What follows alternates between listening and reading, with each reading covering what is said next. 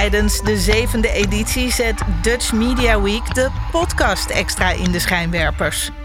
Samen met bekende en onbekende podcastmakers probeert het Mediafestival van Nederland om het wereldrecord podcast maken te vestigen. Als onderdeel daarvan stelt Dutch Media Week 2022 met grote trots aan u voor.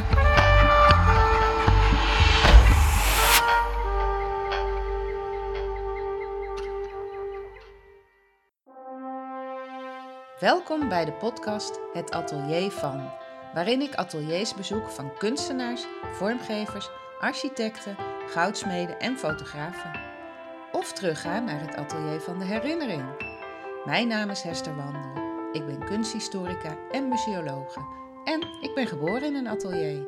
Ateliers zijn de rode draad in mijn leven, door mijn werk in musea, maar ook het kunstenaarschap van mijn moeder. Ga je mee naar het atelier van Goedemorgen. We zijn in uh, Hilversum. Ik was hier van de week ook en ik had nooit gedacht dat na een jaar podcasten dat ik nu live in beeld en geluid zou zitten. En met wie? Furiba Sabori. Goedemorgen. Goedemorgen. Daar zitten we hier, half zeven. Was vroeg hè, vanochtend? Ja, super vroeg. Leuk hè, ja, zo helemaal in je eentje. nou ja, de technicus Ruben is er ook. En er zijn twee beveiligers, dus we zitten hier goed. En uh, ja, ik ben dus een jaar aan het podcasten. En van de week was ik op een uh, podcast summit van uh, Mirjam Hegger, degene waar ik de podcastcursus heb gedaan, of studie is het bijna, heb gedaan. En uh, toen kwam ik jou tegen. Mm -hmm. En jij bent meteen heel enthousiast om mee te doen. Ja. je zei tegen mij, oh, ik ben ook kunstenaar, wil je ook naar mijn atelier komen? Mm -hmm. Ik zit in Waar zit je ook weer? Alphen aan de Rijn. Ja. ja. En toen dacht ik, ja, nou, Alphen aan de Rijn, uh, wanneer kan dat? En toen dacht ik ineens, dat kan nu. Dat mm -hmm. kan uh, in beeld en geluid. Hoe mooi is dat? Maar ja, waar ik normaal natuurlijk ateliers bezoek en rondloop, zitten we nu aan een uh, echte podcasttafel met meerdere microfoons. Ik heb ook een koptelefoon op, dat heb ik anders ook niet. Mhm. Mm -hmm. Ik loop rond en trek laadjes open. En uh, vragen of ik achter deurtjes mag kijken. En nu zitten we hier uh, vast. Maar ik zie al dat jij van alles hebt meegenomen. Dus we hebben genoeg te bespreken. Ja, zeker. Nou, vertel eens. Wie ben jij eigenlijk?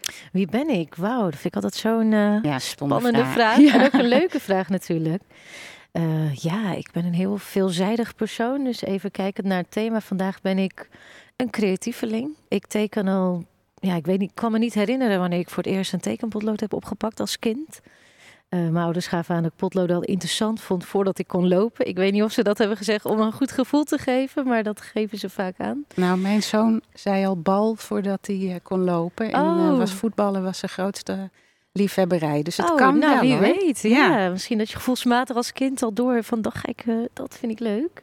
Ja. Dus, dus ja, ik ben een creatieveling. Ik ben een tekenaar, een grafisch designer. Iedereen noemt het anders, afhankelijk van welk werk ze van me zien.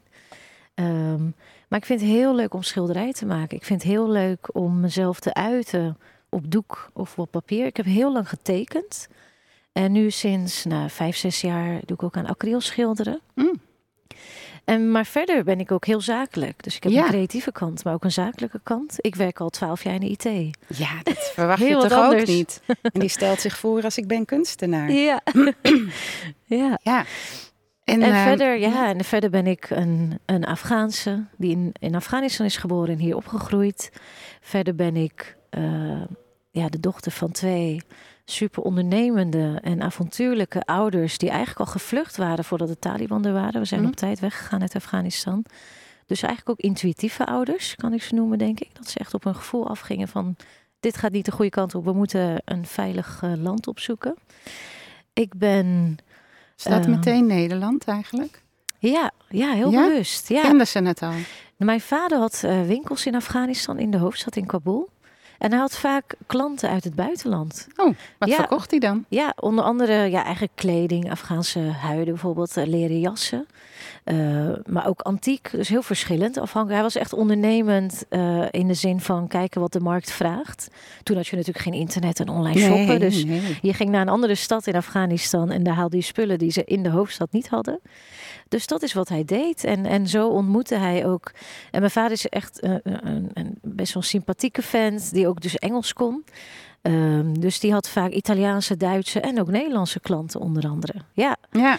En toen we gingen vluchten, wou hij bewust naar Nederland. Daar wonen de goedlachse mensen, vertelde hij eh, eens. eh.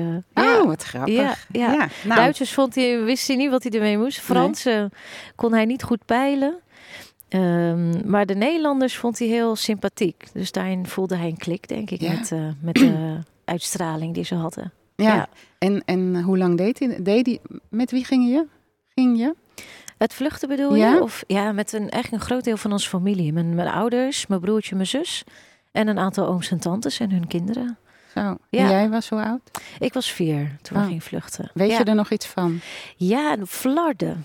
Ik weet één scène dat we door het bos lopen. Dat het spannend is. En als kind dacht ik waarschijnlijk dat we verstoppertje aan het spelen waren. Misschien hebben ze dat ons ook wijsgemaakt. Om niet eh, te stressen. Een avonturentocht. Ja, zeker. Ja, en ik herinner me ook een andere scène dat, dat ik in een, in een kamer sta zonder gordijnen en uitkijk op een soort industrieterrein. En als kind eigenlijk heel bang ben, omdat ik denk dat iedereen weg is. Dus ik weet niet of iedereen dan ook weg was op dat moment. Maar ik weet, dat is een scène waar ik ook wel eens over heb gedroomd. Mm, mm. Eh, maar verder dan dat gelukkig geen, eh, geen enge Nee. scènes of zo gezien. Nee. Het zijn Nee. beelden. En je broer en zus zijn ouder? Mijn eh, zus is ouder, anderhalf jaar ouder. En mijn broertje is drie jaar broertje. Ja, 1,90 dat zeg je nog altijd, hè? Ja, dat doe ik ook. Ja, die is drie jaar jonger. Ja. Ja. En heeft, heeft je zus ook nog herinneringen eraan? Ja, zij heeft meer herinneringen. Ja, Ja. ja, ja, Ja. Ja, die heeft wel. Ik heb eigenlijk nu iets zeggen. denk Ik moet een keer met haar zitten welke herinneringen zij heeft. Want zij is net wat ouder, dus zij heeft het wat bewuster meegekregen. Ja, Ja, ja, misschien eh, een podcast. Want ik Ja, begrijp dat jij ook wil gaan podcasten. zeker. Maar nou lopen we op de zaken vooruit. En Ja, hoe, lang deden jullie, iets over. ja, hoe lang deden jullie over die eh, vlucht? Ja, mijn ouders hebben het heel lang geleden een keer aan ons verteld. Omdat we als kinderen natuurlijk nieuwsgierig werden op een gegeven moment. Ehm, ik denk dat we er eh, toch wel een paar maanden, misschien wel acht maanden over hebben gedaan. Nou, niet een paar maanden, echt wel acht maanden. Zo. Ja, ja. En waar kwam je toen terecht in Nederland? We kwamen terecht in Oosterwijk. Oh. Ja, Om ja. het geloogde massief eh, eiken, toch? Oosterwijk, toch? Ja, Oosterwijk. Ja, ik heb jaren Oosterwijk gezegd. Ja. Ja, ja, maar het is... eh, ja. Oosterwijk. Ja, Jamin kwam is dus dat ook. Hm? Jamin komt er vandaan. De oh, snoepjes, oké. Oh ja, toch? Nou ja, dat zou zo dat zoeken kunnen. we op. Ik probeer die winkel te mijden. Ziet er veel te leuk uit allemaal. Ja, veel te, veel te mooie kleuren. Ja. Maar, en veel te slechte kleuren ook. Maar ehm, ehm, in een AZC? Of, eh, Ja, in een AZC. En misschien dat we daarvoor eigenlijk in een AZC kwamen hoor. Ik weet niet of Oosterwijk zelf een AZC had. Ik weet dat we daar eh, eigenlijk geplaatst werden. Dus het kan ook zijn dat we ons ergens anders moesten melden. Net als wat je nu in Ter Apel hebt. Eh, maar we kwamen in Oosterwijk en... eh, ja, ik vond als kind eigenlijk heel leuk. Ja? Ja, ik had zo'n zo'n zo'n bandje om mijn nek. Net als wat je op seminars en zo krijgt of op beurzen. Met een pasje aan en ik mocht onbeperkt speelgoed lenen. Ja, ik, Oh, ik vond het heerlijk. dat had je thuis niet. Nee. Nee, ja, we hadden wel speelgoed en tekenspullen en zo. Omdat ze wisten dat ik dat leuk. Maar niet dat je elke keer... Ik bedoel, er, er waren dozen met Lego's. Ja, dat had ik nog nooit gezien. Dat vond ik hartstikke gaaf. Ja. Ehm, en ook Lego's, treinen, Lego's. En heel, een heel pretpark aan Lego's en zo. Dus dat vond ik zo gaaf. Dus er ging een wereld aan me open. Aan speelgoed en boeken en dat soort dingen. Tenminste, boeken kon ik waarschijnlijk nog niet lezen toen. Tenminste, weet ik. Want het is natuurlijk een andere taal. Ja, precies. Maar misschien prenten en dat soort dingen. Dus er was eh, veel te doen voor kinderen. ja, ja. Nederlandse kinderboeken zijn altijd heel leuk met heel Ja. veel plaatjes. Dus Zeker. je kon ja. je lol op. Ja. ja, ja. En, en waar, ge- kregen jullie snel een huis? Ja, we kregen denk ik binnen een jaar eh, kregen we wel, tenminste, ik, het is nu snel vergeleken met nu. Mm. Toen vonden mijn ouders het natuurlijk wel spannend. Ze hebben later verteld aan ons dat ze het heel stressvol vonden. Ja. Dat jaar wachten is toch een jaar. En je Ja. woont in een best wel kleine kamer met stapelbedden. Ehm, en ik bedoel, terugkijkend zijn mijn ouders altijd positief. Van nou, we zijn opgevangen en iedereen was heel aardig. En eh, ehm, ja, ze zijn goed verzorgd en het was allemaal schoon en zo prima. Maar het is natuurlijk best wel gek om zo lang in een, in een kamertje te wonen met een Ja. heel gezin. En eh, ja, de Ja. zorg voor drie kinderen natuurlijk. Ja, precies. Ja, en je bent in een vreemd land. Je snapt de mensen niet. En ehm, Waren ze zo goed lachs? ja, Ah, ja mijn wel. vader is altijd heel positief. Ja, mijn moeder ook wel hoor. Ja, Nee, maar ook de Nederlanders zoals hij het zich had ja voorgesteld. zeker. Ja, ja. Ja, en ik moet zeggen dat het toen heel anders was. Toen, ik weet niet of er minder vluchtelingen waren of zo. Het, het, we hoorden de mensen die toen zijn gevlucht, hoor je heel andere verhalen vertellen dan de mensen die nu vluchten. Ja. De afgelopen vijf jaar. Ja, het Ik, zijn ik, er eh, veel meer. ja, de sfeer is ja, veranderd. De sfeer is De veranderd. media. Ja, ja, je hebt natuurlijk internetmedia, et cetera. Het is maar net in welke hoek je zoekt hè, op internet. In Ja. welke tunnel je terechtkomt. Ja, de Ehm, fabeltjesfuik. Ja, nou precies. Dus Ja. het is. eh, maar het, het, het, het- de ander beeld krijg ik er nu van. Ik bedoel, ik, heb nu, ik woon nu niet in een AZC natuurlijk al een hele tijd. Zo weer 30 jaar geleden dat we hierheen kwamen. Ja. Ehm, Maar raakt Maar het je als je dat dan ziet in Ter Apel? Kan je er dan, Ja. komen, komen er dan beelden terug? ja, nou, ik, ik word een beetje verdoofd, denk ik eerder. Dat ik denk, dat kan toch niet in Nederland? Ik kan Mm. het soort bijna niet geloven. Nee. Eh, en één keer had ik zelfs de neiging om met mijn auto erheen te rijden en mensen in mijn auto te laten slapen. Dat ik denk, jeetje, dat kan toch niet dat de mensen in Nederland in de regen nu moeten slapen. Omdat er eigenlijk door procedurele dingen, dingen niet op tijd kunnen gere- geregeld kunnen worden. Anderzijds snap ik ook wel dat het echt wel complex is. Het is Ja. echt niet even een gebouwtje neerzetten en even mensen plaatsen. Zo gaat het gewoon niet. Nee, er zit mensen- een heel leven aan vast en in de ja, toekomst natuurlijk. nou Ja. precies. Ik snap dat de overheid het goed geregeld wil hebben- hebben. Alleen hoor je natuurlijk wel. ehm, ehm, wat me dan wel raakt, is, is een beetje wat, wat ik. Ik probeer nieuws te mijden omdat ik eigenlijk iemand ben, als ik iets zie, voel ik me zo betrokken, dan wil ik wat doen. Mm. Ik ben niet de type die nieuws kijkt en denkt, oh wat lullig, en dan weer uitzetten en dan weer vrolijk doorgaan met mijn dag. Ik, ehm, ik krijg toch wel dat ik denk, oh, ik wil wat doen, wat kan ik doen? Of ik ben gefrustreerd na het nieuws, of ik denk, ik moet wat doen en dan ga ik wat doen. Maar, dus ik probeer het nieuws te mijden, maar wat je natuurlijk wel opvangt is dat, ehm, en dat begrijp ik nog steeds niet, dat bijvoorbeeld Oek- Oekraïnse vluchtelingen toch anders, andere dingen krijgen dan, dan, eh, dan andere vluchtelingen. Dat, dat is het enige waardoor ik nu denk van, waarom gebeurt dat nou? Gebeurt dat echt? Is dat nou echt zo? Tenminste, ik geloof dat het echt is. Je ziet het, je hoort het eh, op best wel veel plekken. Ja, dat alles sneller geregeld wordt. eh, ja. Ja, dus dan is het niet. Dus als we denken in mogelijkheden, dan is er veel mogelijk. En Ja. ik hoop dat, dat, dat, dat, dat het meer wordt gedaan. Dus we zien nu dat het mogelijk is. Ik hoop dat het meer wordt gedaan. Dus zonder nu in details te treden. Want Nee, ik wil geen politieke uitspraken doen nu hier. Nee, Zitten we hier nu niet voor. nee, nee. Ehm, maar dat is het enige. Dus wat je zegt van raakt het me? Dat vlak raakt het me wel op dat vlak. Ja. Ja. En voor de rest ben ik heel positief ingesteld. En ik kijk vooral naar wat er wel goed gaat en wat er wel kan. Ook wat ik zelf kan doen. Ja. Ehm, Dat bleek wel Ja. toen, eh, toen je zei, ja, eigenlijk kan ik helemaal niet en het is veel te vroeg. En, Ja. Maar ik kom toch. Ja. ik ben wel een ondernemend type. Dat zit denk ik in mijn bloed vanuit mijn familie. Ja, En als ik een mooie kans zie, dan eh, grijp ik die met beide handen. ja, precies. Nou, dat, En we hadden eh, gelijk een klik. ja, ik bedoel, jij had ook, ik, ik doe ook aan sieradendesign. En dat, jij hebt een achtergrond als goudsmid. Nou, hartstikke gaaf. Ja. En je interviewt kunstenaars. En we, we waren allebei eigenlijk een van de eerste mensen die binnen waren, volgens mij. Eh, op het summit. En eh, het was heel toevallig. Het ging heel spontaan. En als dat zo op mijn gevoel ga ik dan af dat ik denk, nou, dit klikt. En ik vind het een leuk persoon. ja, nou, laat het precies had ik ook. Ja, Ja. ja.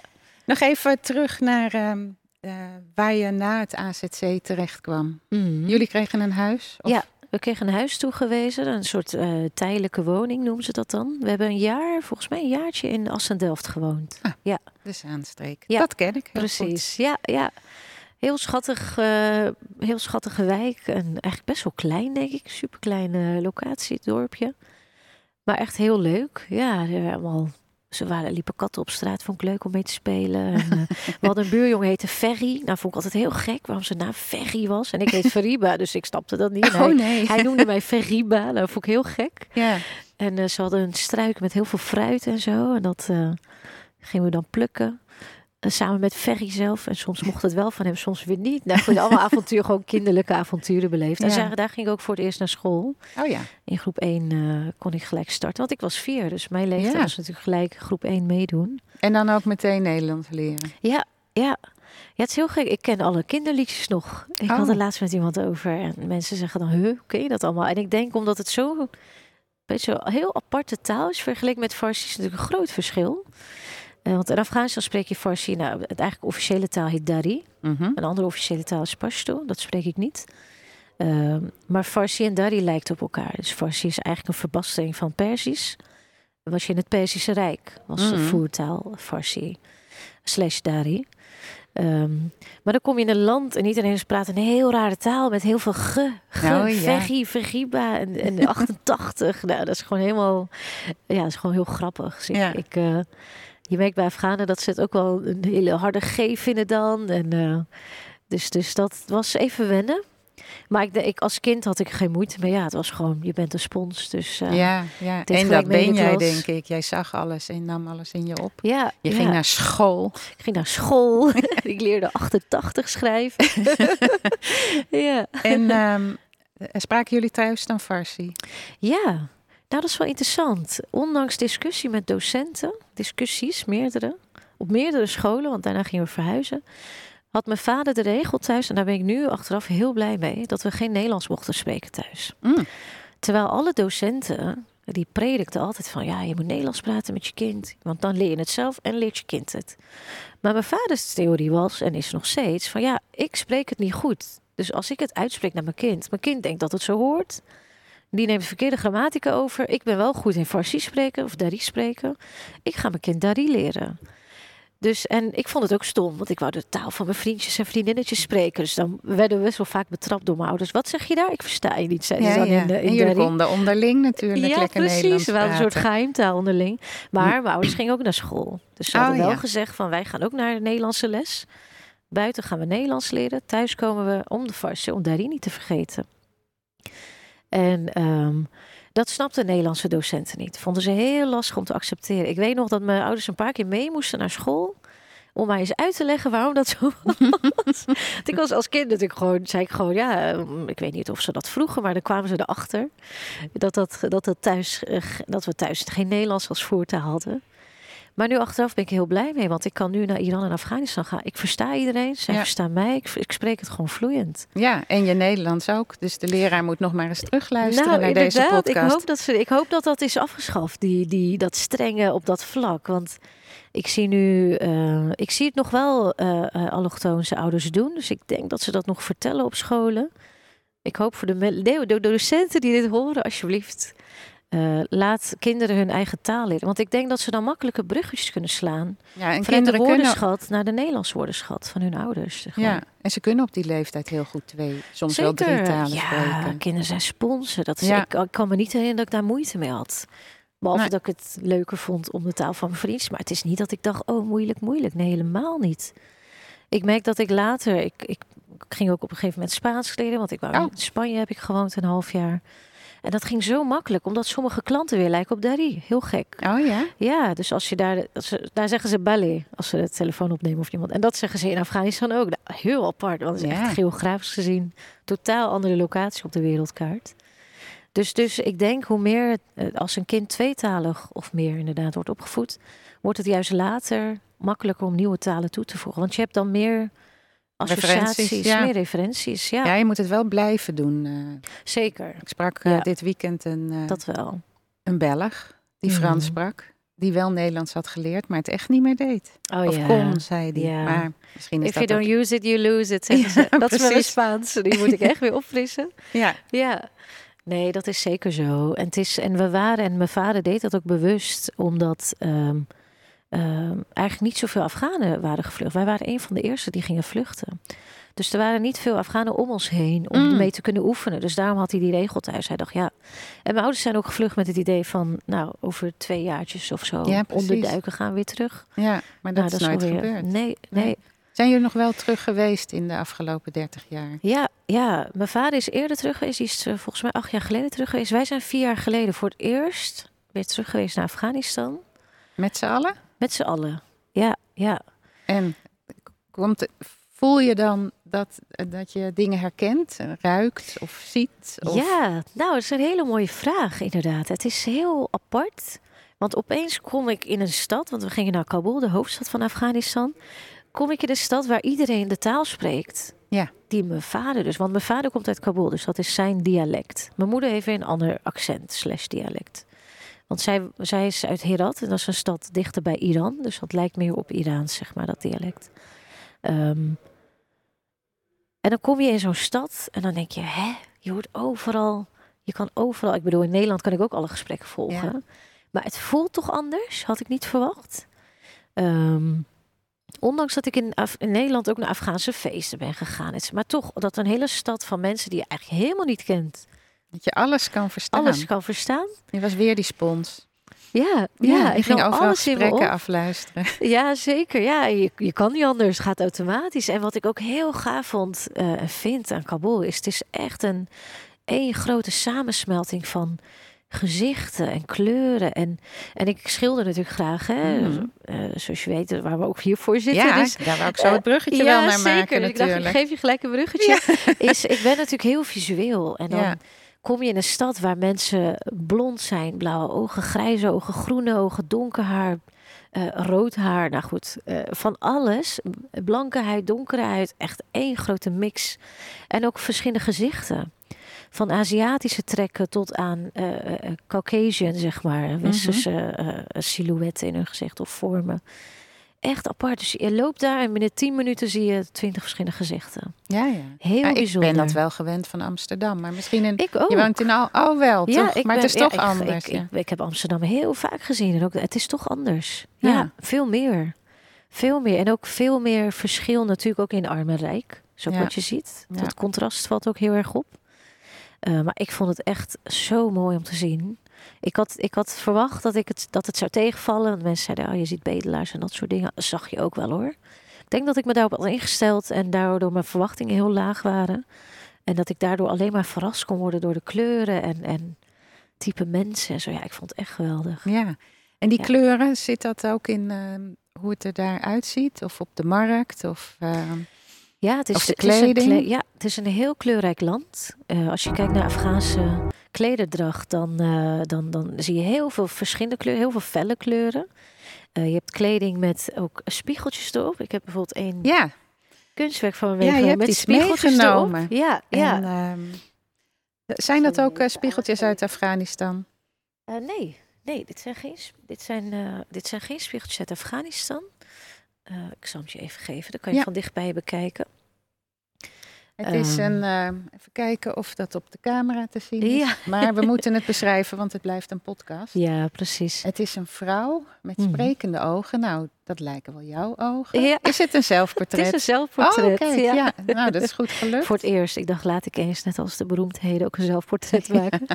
Met een hoedje, dat lijkt wel een stewardess. Maar de kleding Mhm. verder niet.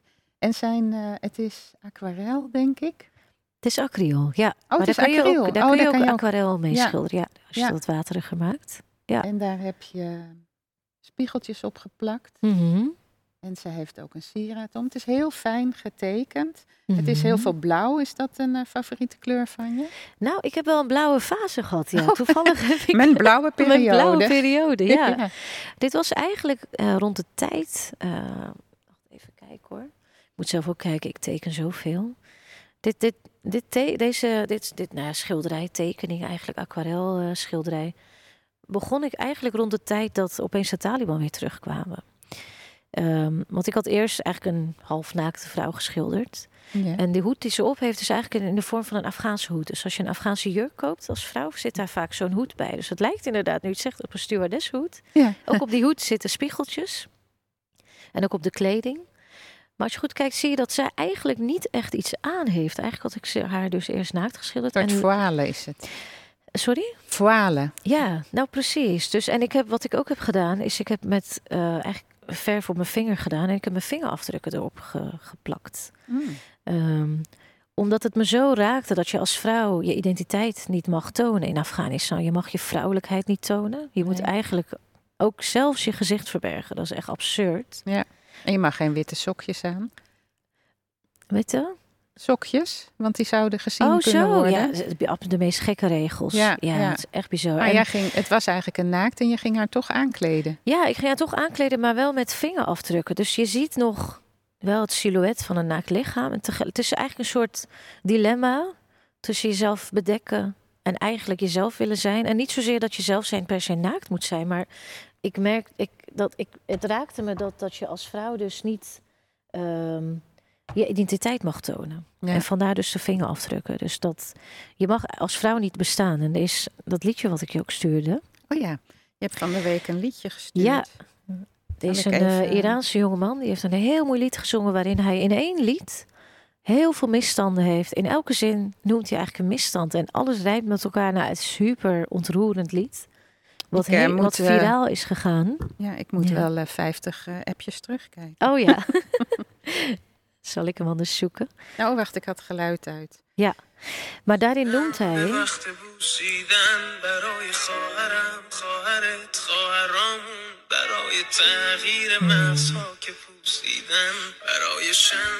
Ik leg hem op de neer, dan hoor je het misschien nog op de achtergrond. Ja ja. En wat, eh, wat zingt hij dan allemaal?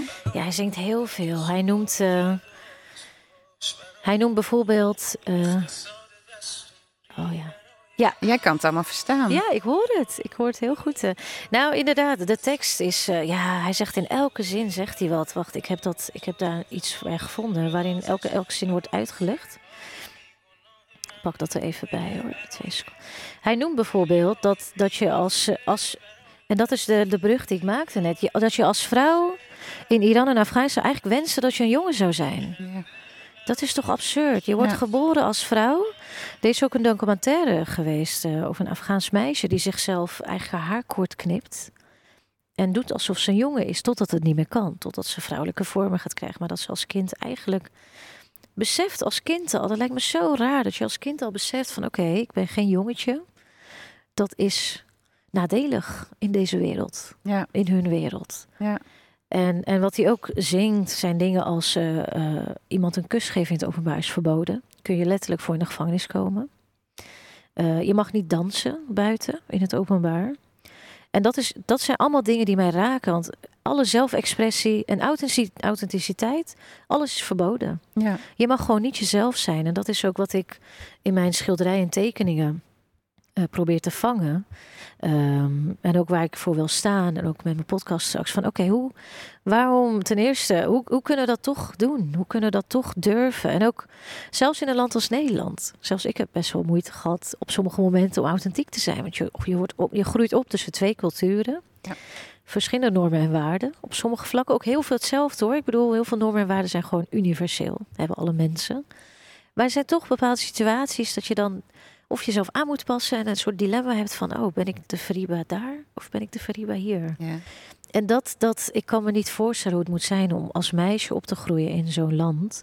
Waar er zulke strenge regels zijn, dat je dus nogmaals als vrouw eigenlijk wenst dat je geen vrouw was. ja. Nou, En dat je erom vermoord wordt. Ja, Ja. ja, Maar ja, het is hetzelfde als dat je niet eh, mag uiten in je homoseksuele liefde. Of eh, precies, Ja. precies. ja, dat je niet jezelf mag zijn. En dat is zo'n groot contrast met in Europa nu. Ik bedoel, we zien een trend dat jongeren zich eigenlijk op hele jonge leeftijd mogen afvragen: ben ik een meisje of wil ik liever een jongen zijn? Wil ik eh, fluid zijn? Hè? Dan mag je zelfs Mhm. switchen. En alles daartussen. Die hele community eh, eh, is natuurlijk heel vrij. En dat, eh, ik vind dat heel goed. Laat mensen zijn wie ze willen zijn, zolang ze anderen niet lastigvallen. Precies, ja. Re- respect hebben voor een medemens. Waarom zou je niet al je kleuren mogen tonen die je bent? En, ehm, en dat raakt ons natuurlijk als kunstenaars en kunstliefhebbers het meest. Ehm, bijvoorbeeld in Afghanistan, wat de Taliban nu hebben gedaan en nog aan het doen zijn, denk ik. Alle kunst op de muren, alle murals die kunstenaars zijn afgelopen twintig jaar dat de Taliban er even niet waren, hebben ze allemaal weer beklad met Mm. witte verf en leuzen en, en eh, nou, zo zonde. Dus, en ze hebben natuurlijk de Boeddha-beelden een tijd geleden ehm eh, exclusief ondergeplaatst. Ja. Dus het cultuur en kunst mag gewoon niet bestaan daar. Het Nee. moet allemaal bedekt worden. En expressie en authenticiteit. Dat, dat zijn dingen waar ik hoop dat we toch een soort beweging kunnen creëren met z'n allen. Met alle creatievelingen. En zorgen dat dat, dat, dat ehm, ja, dat beschermen. Eigenlijk dat koesteren samen. Ja, want het is je eigen, ja, het is je eigen uitingsvorm. Als je dat niet mag zijn, dan. Ja. dat, Ja. ja. Nou, je zegt het heel mooi als je dat niet mag zijn. Het is gewoon iemand, iets die, wat je bent. En het is ook, ik heb bijvoorbeeld ook heel lang, vond ik het spannend om mijn schilderijen te laten zien. Mijn familie komt serieus, ik denk pas sinds COVID, dat ik, omdat ik meer thuis zat, eh, dat mijn familie nu ziet dat ik zoveel schilder. Ze zijn echt verbaasd. Ik heb Ah, ja. nu, en ik hoop dat je een keer ook langs kunt komen in mijn atelier. Ja. Ehm, ik heb, ik heb uh, uh, wanneer was het? Letterlijk drie weken geleden nog dat mijn moeder kwam. Heb jij zoveel geschilderd? en dat ik zelf verbaasd ben. Huh, heb ik dat niet laten zien aan haar, aan mijn eigen moeder? Eeuw. Vond je dat spannend? Ja, ja het, voelde, het voelt toch een beetje naakt ergens. Je maakt iets wat echt uit je innerste komt. Wat je net mooi zei, je- wat je, wat je, je zijn, wat je bent. Het voelt spannend om dat aan de wereld te laten zien. Ook al woon je in een veilig land als Nederland. Ja. Zelfs dan is het spannend. Nou ja, familie Ja. kan natuurlijk ook snel een oordeel hebben, onbedoeld. Misschien. ehm, Dat kan ook. Negatief. Ja, dan moet je ze toch weer onder ogen komen. Als ja, precies. Ja, maar ja, ze weten niet beter dan dat je altijd tekent. Klopt. Heb je ook een opleiding eh, gedaan? Nee. Of nee. cursussen? Of, eh, Nee, nee, is eigenlijk heel, heel eh, ja, grappig, zeg ik altijd. Dat is eigenlijk helemaal niet grappig. Het is heel gek gegaan. Toen ik op het VWO zat, eh, weet ik nog dat ik een studiekeuzetest of zo deed. Ik was heel erg bezig van wat moet ik nou studeren. En ik deed natuur en gezondheid. Dus iedereen in mijn klas wou arts worden.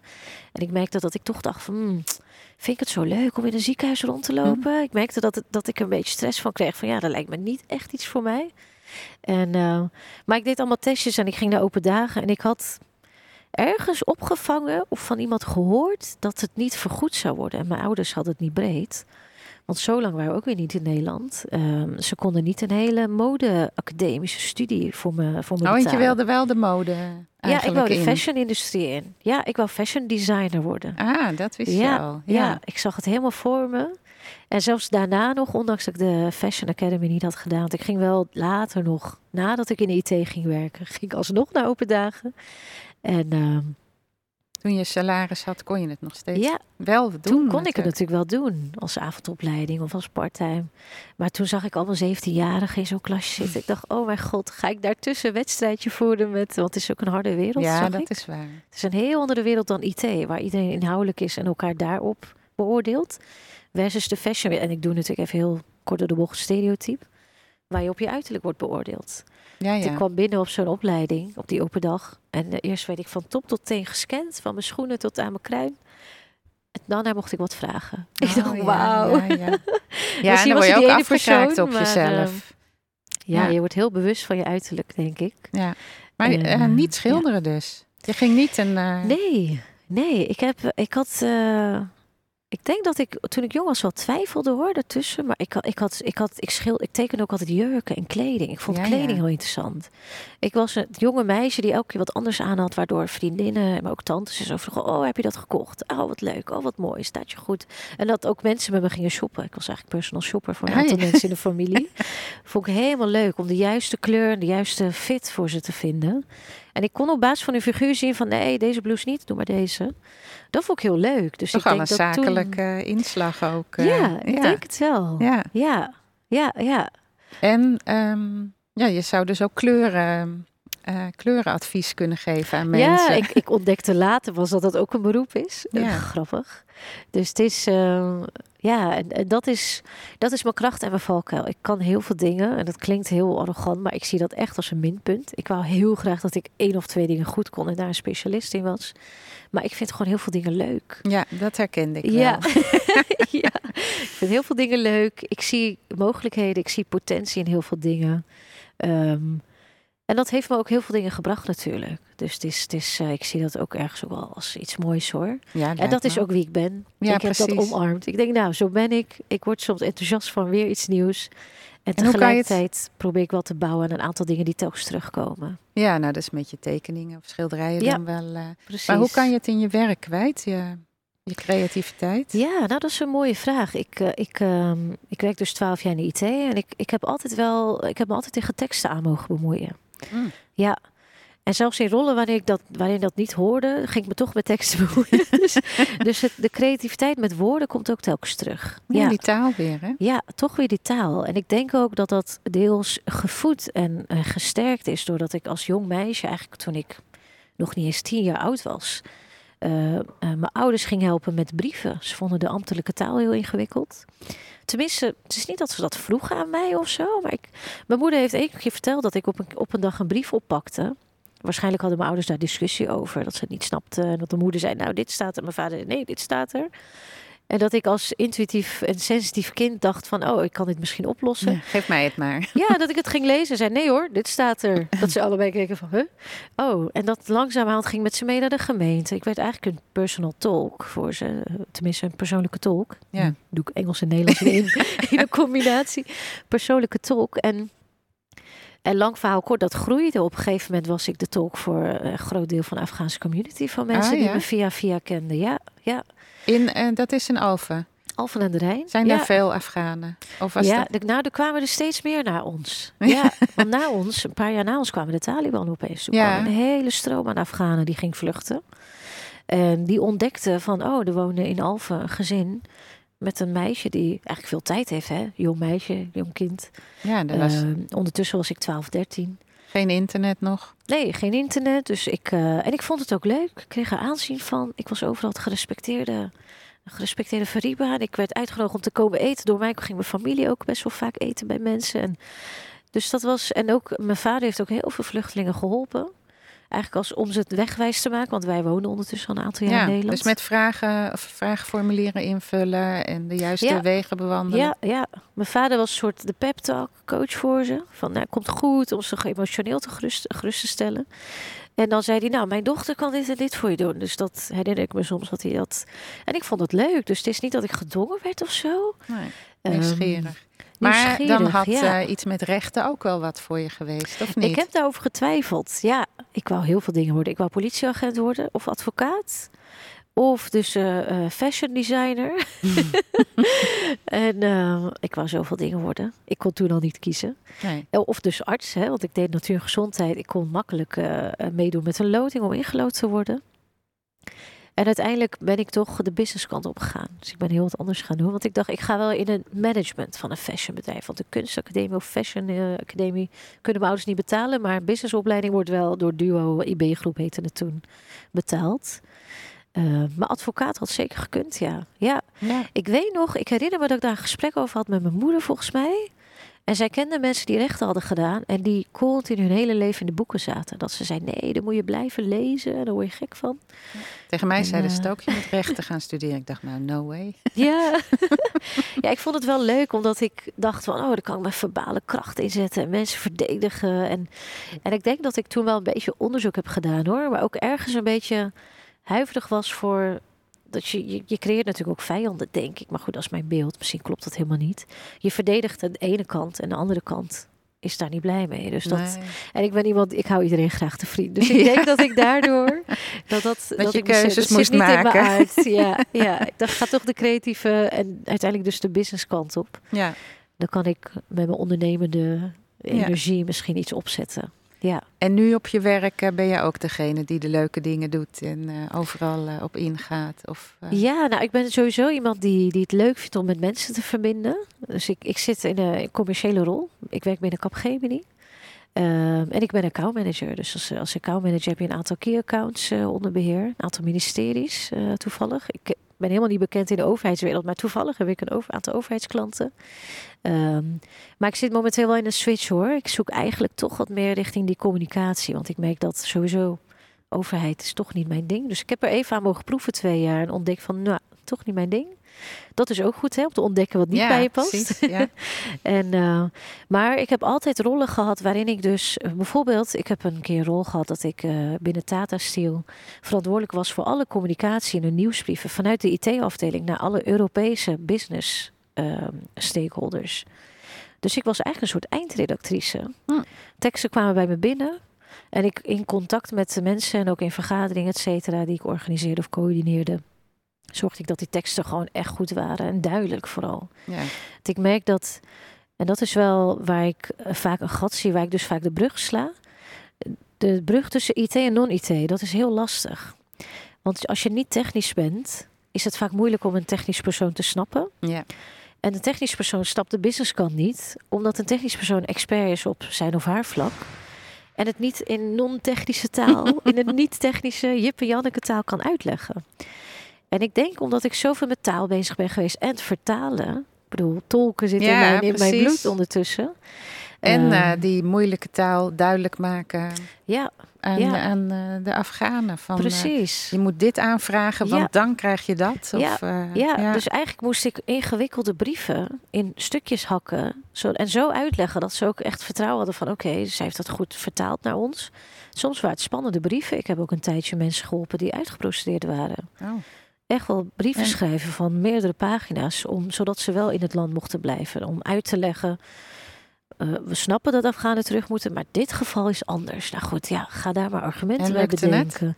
Bij een aantal mensen lukte dat. Ja, ja, dat voelde heel spannend, want ik was nog hartstikke jong. Ja, precies. Dat was in, eh, ja, dat was echt. En ook heftig hoor. Dat ik soms in bed lag en dacht, oh, ik had dit er nog bij moeten zetten. Oh mijn god, ja, ik dan voel je ook verantwoordelijk. Dat je... Ja, Kon je dat van je afzetten als het niet gelukt was? nee, niet zo goed eigenlijk. Nee, daarom ben ik blij dat ik niet terecht ben gaan studeren of Nee, advocaat ben precies. geworden. Nee, dat, ik eh, zit er toch. Ik vond het moeilijk om dat los te laten. Ik voelde me zo betrokken bij de mensen en ik wou zo graag dat het lukte voor ze, alsof het eigenlijk mijn eigen leven was die, Ja, die op het spel stond bijna. En ook bijna ook een mensenleven. Hè. Ik bedoel, ja, sommige voor hun was het echt gevaar voor sommige mensen als ze terug zouden gaan dat ze zouden worden opgepakt. ja. Dus dat wil je gewoon niet op je geweten hebben. Ondanks dat ik wist, ik help ze alleen maar als het lukt, lukt het dan niet. En als het niet lukt, jammer. En, toch, dat kon je ook wel goed met je vader bespreken. Dat, eh, die emotionele kant Ja? ervan, nee, eigenlijk niet. Nee, nee. Ik zit daar eigenlijk sinds een jaar over na te denken. Ik denk, jeetje, eigenlijk, ik denk dat veel vluchtelingen dat hebben. Als je vlucht, is er geen tijd voor emoties. Nee. Je kan, je kan niet... ehm, je moet door. Je kan niet in een hoekje zitten, oh, ik ben een beetje verdrietig, zullen we het over hebben? Dat kan gewoon niet. Je Nee. moet ja, opstaan en eh, droog je tranen, eh, wegwezen hier. Het is gevaarlijk. Dus ik denk dat dat ervoor zorgt dat, dat, ehm, ja, dat je eigenlijk een soort knop omzet. En dat Je jij in de actie overleven. gaat. Ja, je Ja. moet overleven. Survival mode. Ja. Ja, ja. Ja. Maar dan kan je je expressie kwijt in je kunst. Ja, ja, eigenlijk wel. Ja. En ik heb, ik heb een fase gehad dat ik heel lang niet heb getekend ook. Mm. Ik denk dat ik pas sinds vijf, zes jaar weer ben begonnen. Dus ik heb eigenlijk iets, een fase gehad van zes, zeven jaar dat ik niet tekende. Er was gewoon geen tijd voor. Ik moest carrière maken, en, eh, hè, overleven. Ik moest dingen doen om geld te verdienen. En eh, Is dat je ook heel erg meegegeven? Van eh, je moet geld verdienen? Of... Ja, niet per se. Misschien een beetje vanuit mijn moeder. Mijn moeder is wel eh, eh, wat meer van: oké, koop een huis, denk aan je toekomst. Geef nu geen geld uit, ga over twintig jaar genieten. Zij is heel erg zo. Ja. Mijn vader is het extreme. Nee joh, geniet, carpe diem, hè, pluk de dag. Als je geld hebt vandaag, geef het lekker allemaal uit. Geniet ervan, morgen komt er wel weer nieuw geld. dus het zijn twee extremen. Ja. Misschien hebben ze elkaar ook versterkt, omdat ze op dat vlak eh, niet echt aansluiting eh, kunnen vinden en vaak niet met elkaar eens zijn. Ehm, en ik denk dat ik een beetje tussenin zit. Ik heb van beide een beetje geleerd. Ehm, maar er zijn inderdaad, ja, ik, ik heb wel als kind gemerkt van. ehm, het, het- ik heb bijvoorbeeld herinnering, eh, herinneringen zoals dat ik op school als vijfjarig kind. Dat de moeder van een klasgenootje, heel lief jongetje, ik zie hem nog, hij heette Marco, ik zie het letterlijk nog voor me, met een brilletje op, heel schattig, dat hij naar me toe komt. En dat zijn moeder verderop stond en dat hij een zak kleding aan me geeft. Oh. Wat heel lief bedoeld is. Super lief. Ik bedoel, wij waren toen net drie jaar. Nee, hoe oud was ik toen? Vijf jaar. We waren toen net één jaar, misschien twee jaar in Nederland. Misschien dat ik bijna zes was. Ehm, enerzijds heb ik dat opgeslagen. Wauw, mensen helpen je. Mensen die je eigenlijk bijna niet kennen, geven je iets middelen om, zodat je overleeft. En aan de andere kant sloeg ik dat ook op als, oh, ik ben Zielig. het zielige kindje. Ja. Ik ben het kindje die afdankertjes van een ander, van mijn klasgenoot, die ik elke dag nog moet aankijken, aan moet doen. En de volgende dag naar school moet komen met zijn kleding aan. Dat vond ik ook zo gek. Ja. ja, dat voel je Eh, dan. Ja, en misschien ook extra gek omdat het een jongetje was. Ik denk, huh, krijg- moet ik kleding van hij jongen dragen? Oh, Dus- dus- dat ook nog. Ja, dus dat, dat, en op zich is dat, ik bedoel, een broek is een broek en een trui is een trui. Dus dat doet ook wel wat met je, denk ik, als kind. Eh, ja, dat is natuurlijk altijd dubbel. Ja, Het is ja altijd en je wilde en- niet zielig gevonden worden. En Ja, je dus wilde je eigen te stijl geven- bepalen. Ja, waarschijnlijk als kind al inderdaad. Dus om antwoord te geven op je vragen. Ik heb daardoor denk ik toch wel een soort mindset ontwikkeld dat ik denk, ik wil nooit zonder geld zitten. Mm.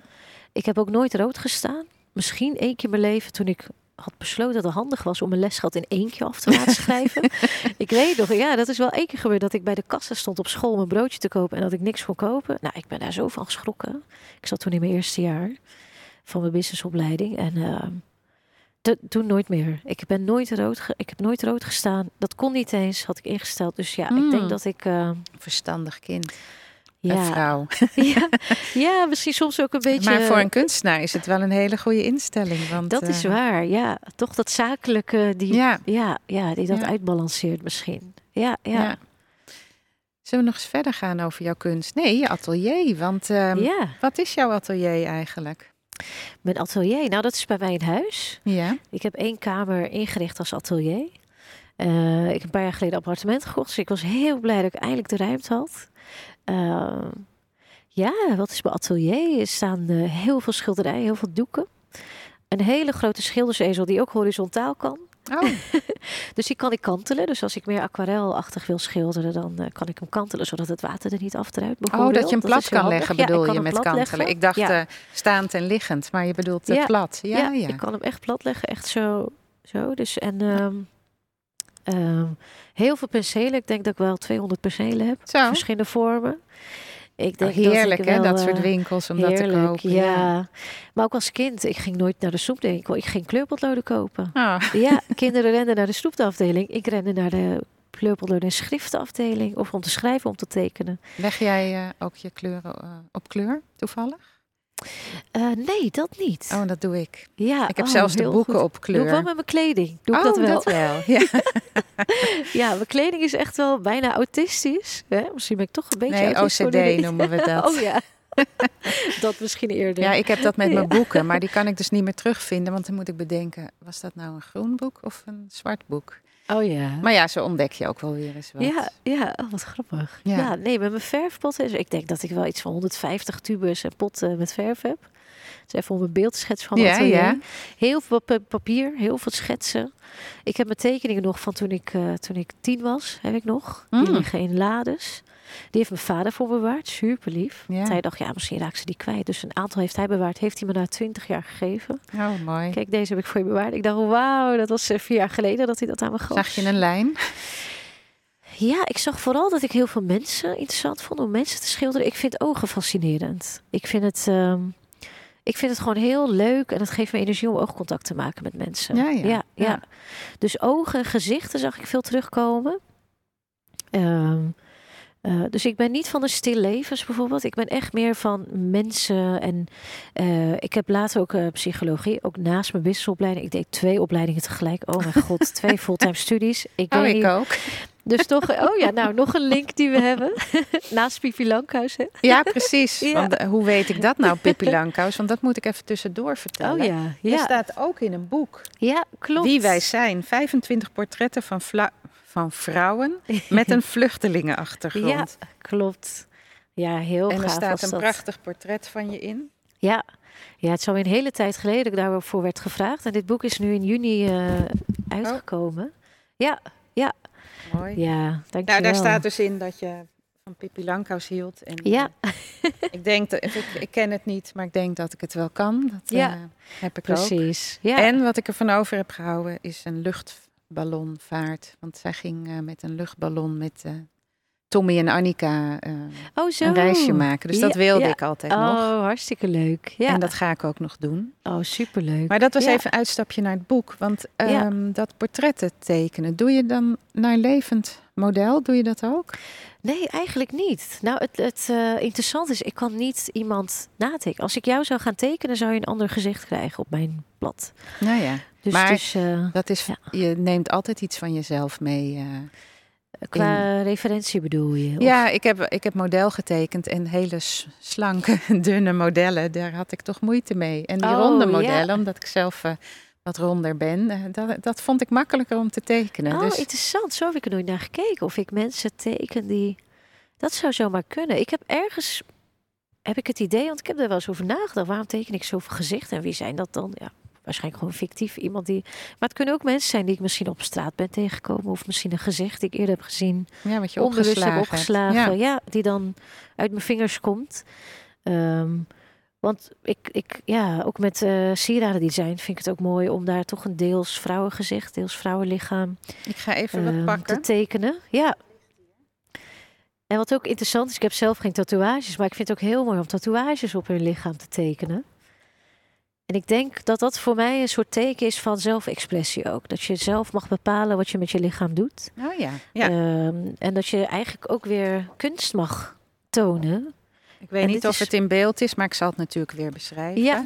Het is eh, blauw papier, dat, daar kan je altijd heel mooi op tekenen. Dan Mhm. zie je een, eh, een hals met een eh, gouden sieraad. En inderdaad op de schouder en een stuk van de borst een, een motief met bloemen en hartjes. Daar ben ik ook dol op. Hartjes in het wild verzamel ik. Oh, En- mooi. Eh, hier zie je ook een sieraad. Want ja, hoe kom je nou weer van mode? en- Nou, mode en sieraden, dat ligt op zich wel dicht bij elkaar. Maar hoe Mhm. kom je nou weer bij sieradenontwerp? En ga je ze ook zelf maken? Ja, nou, dat is, dat is een- ook weer een heel avontuur geweest. Dat was toen we naar Afghanistan gingen. Zag ik natuurlijk heel veel verschillende mensen.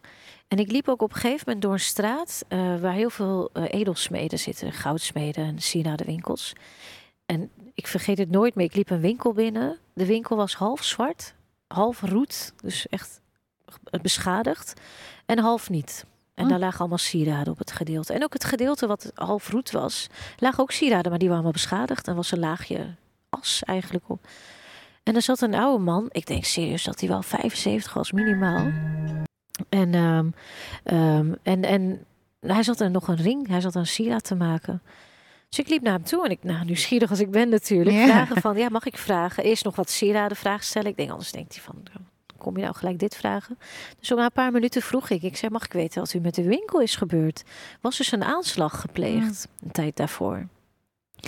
Ehm, de afgelopen jaren waren regelmatig aanslagen ehm, in Afghanistan. En ehm, dat raakte me zo. Ik dacht, wauw, deze man is op deze leeftijd nog zo hard aan het werk. Waarschijnlijk voor zijn gezin. En weet ik veel wie die allemaal moest onderhouden met dat geld wat hij hoopte op te, eh, op te, kunnen, of te kunnen verdienen in zijn winkel. En toen ontstond het idee dat ik dacht, hmm, daar, misschien kan ik daar wat mee. Want ik zag wel wat, ik vroeg hem eh, om robijnen. Zo, kieperde hij zo'n eh, zak vol robijnen Oh, over ja? de toonbank. Zo'n fluwelen zak. Die worden Toen daar ik, gedolven ook. Ja, in- Afghanistan is een heel rijk land qua grondstoffen, maar ook heel veel edelstenen. Mm. Die bergen zitten daar vol mee. En mijn vader zegt altijd, daarom wil iedereen dat land hebben. Het Ja. heeft heel veel. Ja. Van aardolie tot aan robijnen en diamanten en alles. En toen legde ik de link van, oké, en ik had net mijn business master gehaald op Nijrode. Ik dacht, ik had altijd een kriebel van, ik moet iets doen. Ik wil iets voor mezelf opzetten naast mijn baan. Ik werkte ondertussen ook alweer jaren in de IT. Maar ik had niks met ondernemerschap gedaan. Tenminste, niet echt, ja, als student een beetje iets daarnaast. Maar dus toen ontstond dat idee. En ik kwam ook eh, een groepje staatkinderen tegen.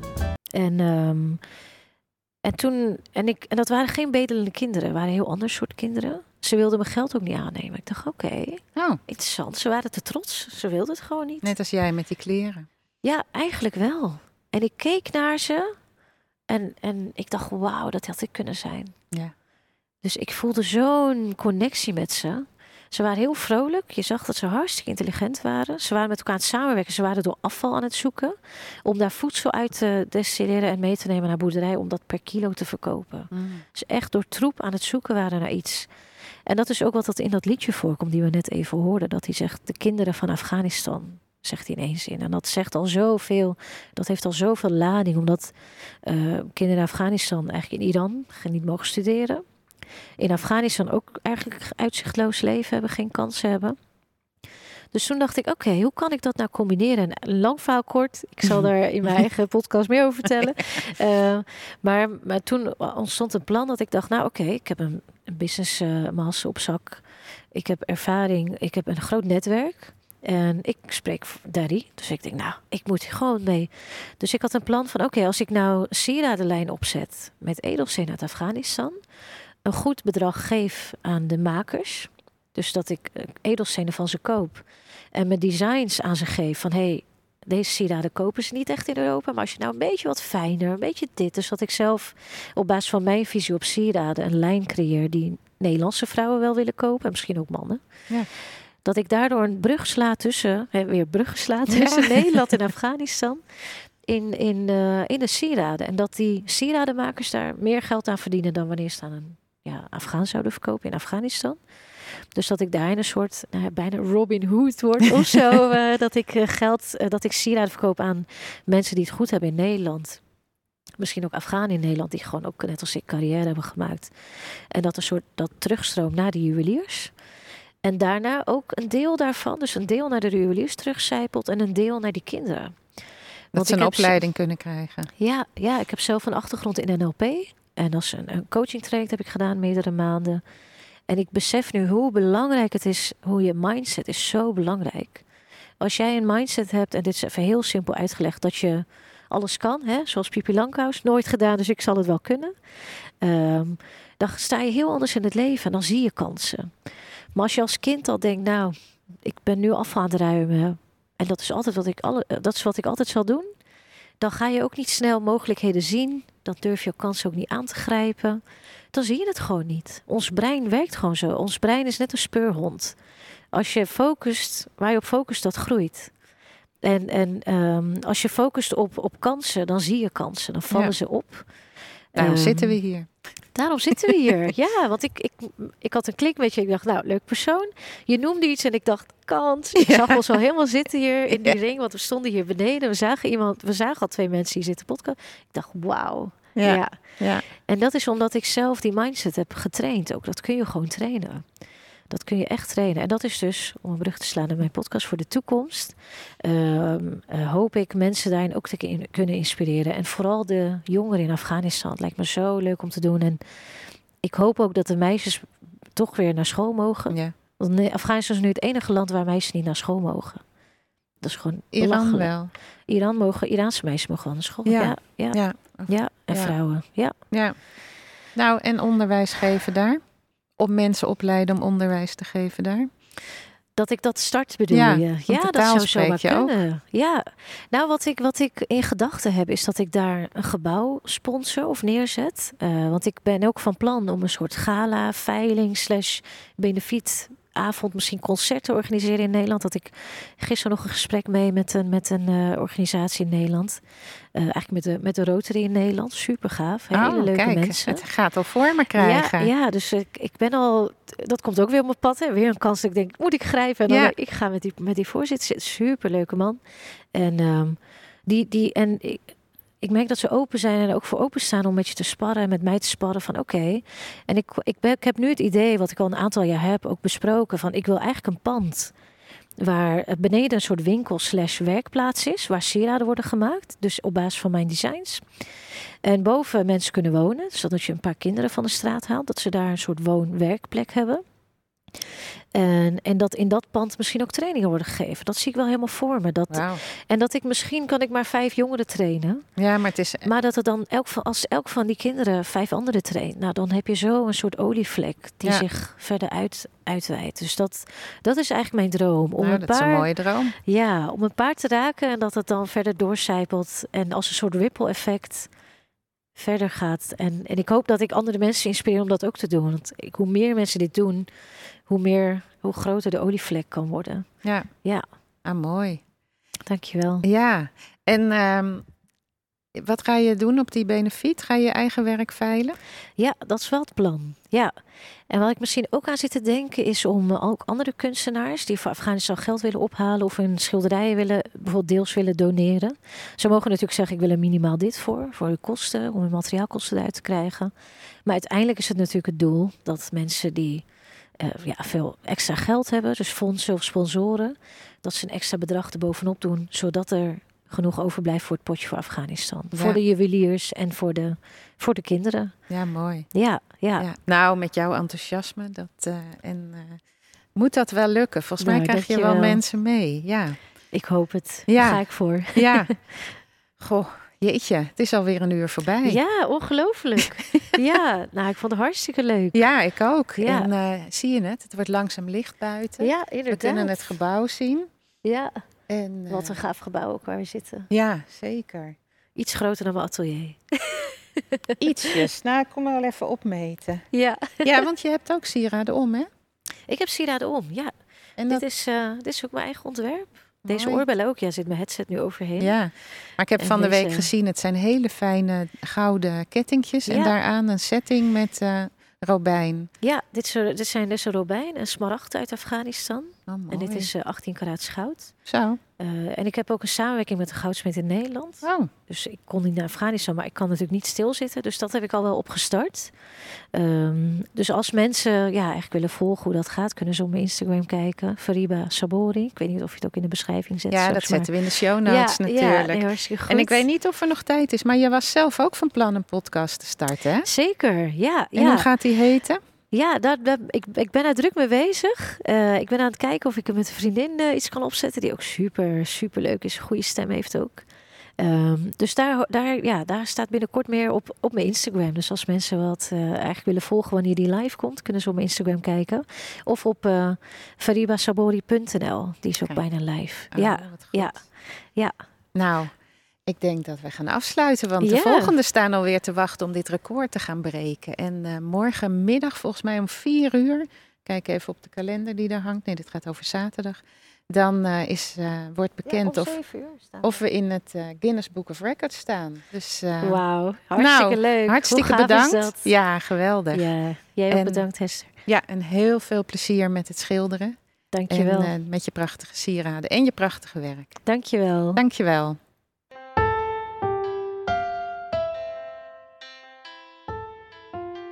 Dat was weer een fijn bezoek in het atelier. Krijg je er ook zo'n zin van om zelf aan het werk te gaan? Of ben je nieuwsgierig naar hoe het er bij een ander uitziet? Luister dan naar de volgende podcast, waarin ik weer bij een heel andere kunstenaar op bezoek ga. Denk je nu, kom ook eens bij mij langs? Of je moet toch eens echt bij die en die gaan kijken? Laat het me dan weten in de comment van deze podcast. Of via de mail hetateliervan@gmail.com Of volg me op Instagram via @hetateliervan. En vergeet je niet te abonneren op deze podcast, dan mis je nooit meer een uitzending. Tot de volgende keer.